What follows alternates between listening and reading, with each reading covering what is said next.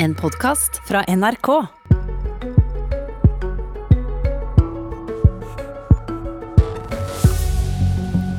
Se til USA, sier veteraner som vil tilbake på Stortinget. Begge presidentkandidatene er langt over 70, og jeg er ikke for gammel, sier Carl I. Hagen på kun 76. Rasmus Hansson liker bedre å peke på Bernie Sanders. Ingen appellerer til ungdommen som han. Ja, mens USA er kommet til innspurten på valgkampen, så er partiene her hjemme i gang med innspurten på nominasjonsprosessene før stortingsvalget neste år. I Miljøpartiet De Grønne foregår nå en generasjonskonflikt i flere fylker, bl.a. i Oslo, der kjemper Rasmus Hansson på 66 år mot Hulda Holtvedt på 21. Og velkommen til begge to. Takk. La oss begynne med ungdommen. Hulda Holtvedt, Holtvedt, du er talsperson i Grønn ungdom. Men hvorfor skal MDG i Oslo velge deg framfor Rasmus Hansson, som har erfaring både som talsperson for MDG og som tidligere stortingsrepresentant? Jeg syns at Rasmus Hansson er en fantastisk kul politiker. Men jeg er en del av den ungdomsbevegelsen som er helt historisk, som krever en forandring av norsk klimapolitikk. Og jeg mener at alle de unge som er veldig bekymra for klimaendringer nå, fortjener et ombud på Stortinget.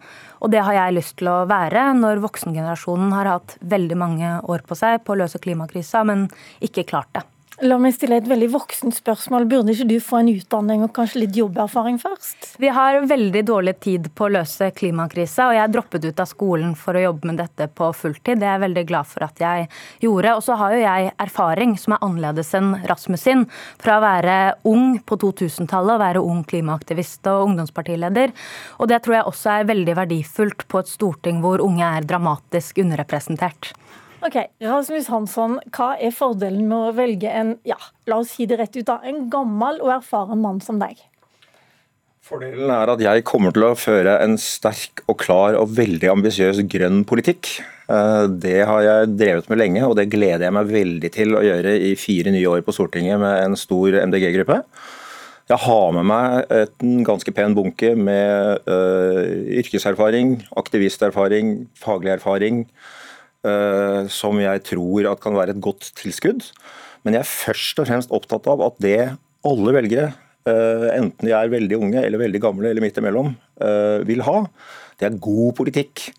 Jeg mener at det er mest viktig å gi folk en grønn politikk. Jeg mener at unge folk stemmer på MDG fordi vi fører de unges politikk, ikke først og fremst pga. alderen på politikerne våre.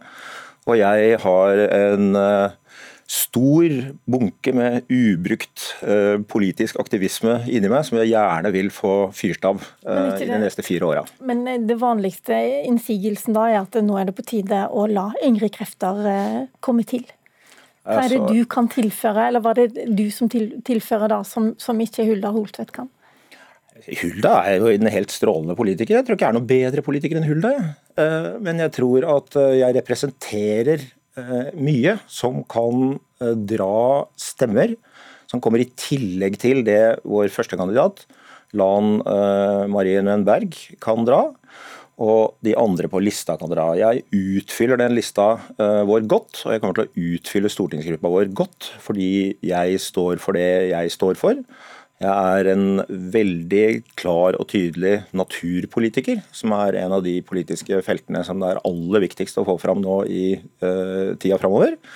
Og jeg har uh, personlig og yrkesmessig erfaring. Jeg har vært ute en uh, vinternatt før, som kan være god å ha for en stortingsgruppe og en valgkamp som blir tøff for Miljøpartiet De Grønne. Hva er det du har da, Holtvedt, som, som kan toppe akkurat det? Jeg stiller ikke fordi jeg er ung eller fordi jeg er kvinne, jeg stiller fordi jeg er flink og kompetent, og jeg har lyst til å bruke kreftene mine på Stortinget til å kutte CO2-utslipp, og det håper jeg jeg får tilliten til.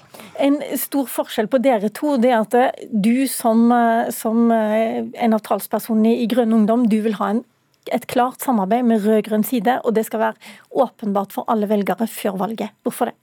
Jeg vil samarbeide med de rød-grønne partiene, eller forsøke i hvert fall, eh, om en ny retning for landet. Og det er fordi den borgerlige regjeringen har sløst bort åtte år som de kunne brukt på å løse klimakrisa, samtidig som de har fremmet et menneskesyn som vi er dypt uenige i, ved å samarbeide med et stadig mer høyreradikalt Frp.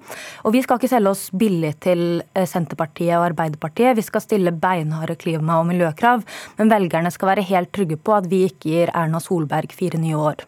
Hvorfor mener det voksne MDG at det er feil å binde seg til de rød-grønne, Rasmus Hansson?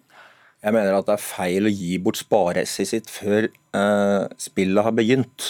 Uh, det både høyresida og venstresida må vite, det er at Miljøpartiet De Grønne kommer til å ta fra dem makta hvis de fører for dårlig grønn politikk, og kan gi dem makta hvis de fører god nok grønn politikk. Dette har vi hatt veldig gode eksempler på her i Oslo hvor samarbeidet med eh, Arbeiderpartiet og SV er blitt eh, veldig fint, fordi at Miljøpartiet De Grønne har hatt makt til å presse det eh, fram. Og så fikk vi se i Viken hva som skjer når Arbeiderpartiet og Senterpartiet føler seg fri til å gjøre det de egentlig har lyst til, som er å bygge motorveier, fordi Miljøpartiet De Grønne ikke hadde nok makt til å hindre dem i det. Og Det er den situasjonen som jeg bygger på. Vi må ikke la Trygve eller Jonas eller Erna tro at de har oss i lomma før forhandlingene begynner. Du gir fra deg makta på gullfart, eh, Holtvedt. Nei, jeg mener ikke det er å gi fra seg makta og peke på alliansepartnere før et valg, fordi man mener at det ene regjeringsalternativet er for dårlig, og det mener jeg at høyresiden er. Eh, og vi skal som sagt ikke selge oss billig til Arbeiderpartiet og Senterpartiet. Jeg tror ikke at de føler at de har oss i lomma. Vi skal stille krav eh, om å stoppe letevirksomhet Eh, i oljeindustrien f.eks., mener jeg. Som hvis de ikke går med på, så må de altså finne seg noen andre å samarbeide med. Kanskje blir de tvunget til å forholde seg til oss som et veldig krevende støtteparti i Stortinget, som pusher grønn politikk hver dag. Eller så må de velge å samarbeide over blokklinja, fordi de er så lite villige til å føre klimapolitikk. Og da får det være deres problem. Ok, Vi har fått et lite innblikk i generasjonskampen og nominasjonskampen i Oslo på andreplassen, men eh, så vidt jeg forstår så kjører dere i, eh, i Grønn Ungdom nominasjonskamper i flere fylker? Ja, vi har unge kandidater som stiller både her i Oslo, Rogaland, Hordaland, Trøndelag. Eh, og det er jo fordi vi har veldig flinke folk som vi gjerne vil ha på tinget for å kjempe på vegne av vår generasjon. Og voksne MDG-ere stiller imot eh, på de plassene også? Ja, også kompetente folk. Men jeg mener jo at er det ett parti som skal tørre å sette unge på sikre stortingsplasser, så er det oss. Ok, får, eh, Du får ikke svare på det, Rasmus Hansson. Lykke til begge to, får jeg si da fra nøytralt eh, vis. Det blir eh, altså eh, generasjonskamper også i flere partier, bl.a. i eh, i Oppland Fremskrittsparti, der Carl I. Hagen stiller som kandidat til førsteplassen. Vi skal høre på Hagen her. Jeg sier til deg at min tid er ikke forbi. Og at eh, Stortinget også trenger noen over 70 år. altså I Amerika så er det to presidentkandidater, en på 72 og en på 78 år. Ja, Da er ikke jeg for gammel når jeg bare er 76 år. Ja, Det var Carl I. Hagen og Lars Nehru Sand, du er politisk kommentator i NRK. Hvilke sjanser har Carl I. Hagen for å vinne i Oppland? Det har gått fra å være et litt uh, overraskende forslag, også for uh, lokale uh, politikere i Oppland Frp, til å bli en idé mange var enig i at var bra, og til å nå kanskje være litt mer åpent i og med at Lillehammer har fremma en egen kandidat, og det blir kampvotering på veldig mange plasser. Og det også er blitt litt mer ja, problematisk for Hagen at, at, det er blitt så mye styr i, i fylkespartiet rundt denne, denne nominasjonen. Hvis ikke Hagen eh, får plassen i Oppland, så vil han stille i eh, Oslo. Men alderen hans har blitt et tema også i Frp? Ja, da, Han skal stille begge steder, det er jo hans plan. Og, og, han kan komme inn fra begge steder eller miste begge plassene når velgerne har sagt sitt eh, i september neste år. Men det er både hans alder, at hans tid, det han står for politisk, ikke lenger er så relevant, eh, og eh, politikken hvor han sier at han vil stå for andre standpunkt enn Frp, selv om han vil stemme i tråd med partiprogrammet. Så hans kandidatur er det mange ulike grunner til. I, i Oppland er det selvfølgelig også det at mange ønsker en lokal kandidat forankret i lokalpartiet, mens andre mener at Oppland er et vanskelig fylke å samle og fronte, og at det derfor er lurt å satse på en som er nasjonalt svært kjent fra før. Nominasjonsmøtet i Frp Oppland det er på søndag, mens landsmøtet i fjorårets snakkisparti, og ikke minst den store valgvinneren Folkeaksjonen Nei til mer bompenger, det er allerede i morgen. Og vi har med oss leder Frode Myrhol fra Stavanger. Nå har det vært bråk i Oslo, i Vestland og ditt eget fylke Rogaland før dette landsmøtet. Men får de noen sakspapirer og noe prinsipprogram å forholde seg når dere møtes i morgen? Ja, eh, alle delegatene har fått eh, utsendt eh, sakspapirer i løpet av oktober. Så de som stiller på landsmøtet, håper jeg stiller veldig godt forberedt til, til de sakene vi skal ta opp der. Hva er det som skjer med partiet ditt eh, når velgere i stort monn forlater dere? Jeg ser eh, en meningsmåling i Stavanger viste at eh, det gikk fra 9% i fjor til 0,9% nå. Man hører også at det største lokalpartiet, Alvar FNB, de har nå meldt seg ut bare et par dager før landsmøtet. Jeg tror vi må korrigere litt eh, det med at Alver er det største eh, lokalpartiet. Eh, De sier det i hvert fall sjøl. Prosentvis oppslutning. Men Alver er jo et forholdsvis lite lokallag i FNB.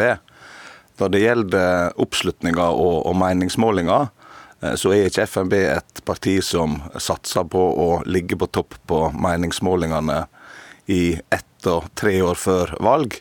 Eh, vi ønsker å konsentrere oss om å gjennomføre politikk. Eh, når det nærmer seg valg, eh, så skal vi greie å fortelle velgerne hva vi har fått til, og hva vi skal få til videre. Og jeg tror at resultatet på valgdagen vil være et helt annet enn på meningsmålingene. I ditt eget lokallag så ønska de å utsette landsmøtet. Det var også en av grunnene til at det ble så store protester i allvær, har vi hørt. De mente at det ikke var demokratisk eh, lagt opp, og det er også flere som har etterlyst f.eks. et prinsipprogram. Hva sier du til det?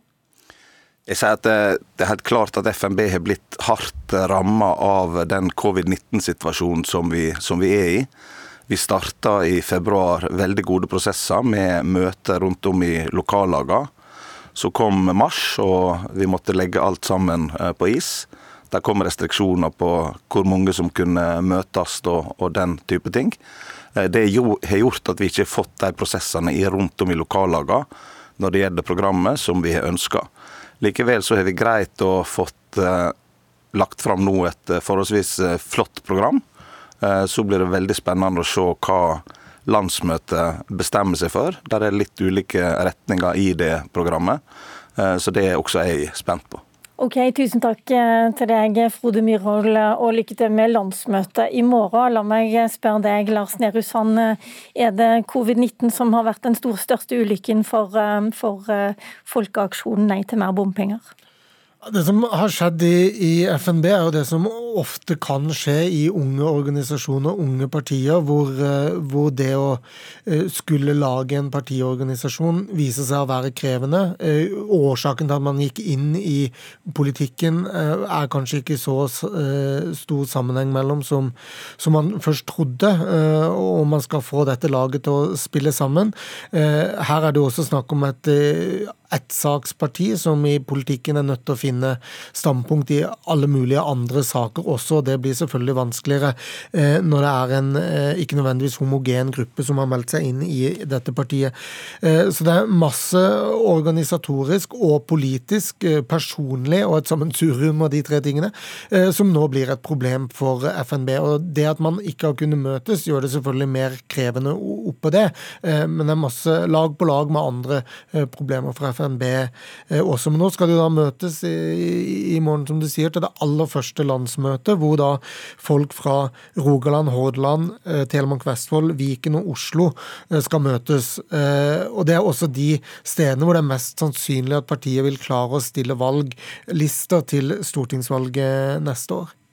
FNB har vært et parti som har tiltrukket seg mye menn, og mye voksne menn. Tror du de går andre steder nå? FNB er jo avhengig av at den saken som er deres kjernesak, er høyt oppe i velgernes bevissthet. Det sammenfaller med at eh, det var et slags opprør, og at regjeringen skulle bestemme seg i den saken eh, rett før lokalvalget i fjor. Det er jo en timing som er veldig vanskelig å planlegge for, og kanskje aldri kommer igjen. Tusen takk, eh, kommentator Lars Nehru Sand. Mitt navn er Lilla Sølhusvik, og det var ett politisk kvarter. Du har hørt en podkast fra NRK. Hør flere podkaster og din NRK-kanal i appen NRK Radio.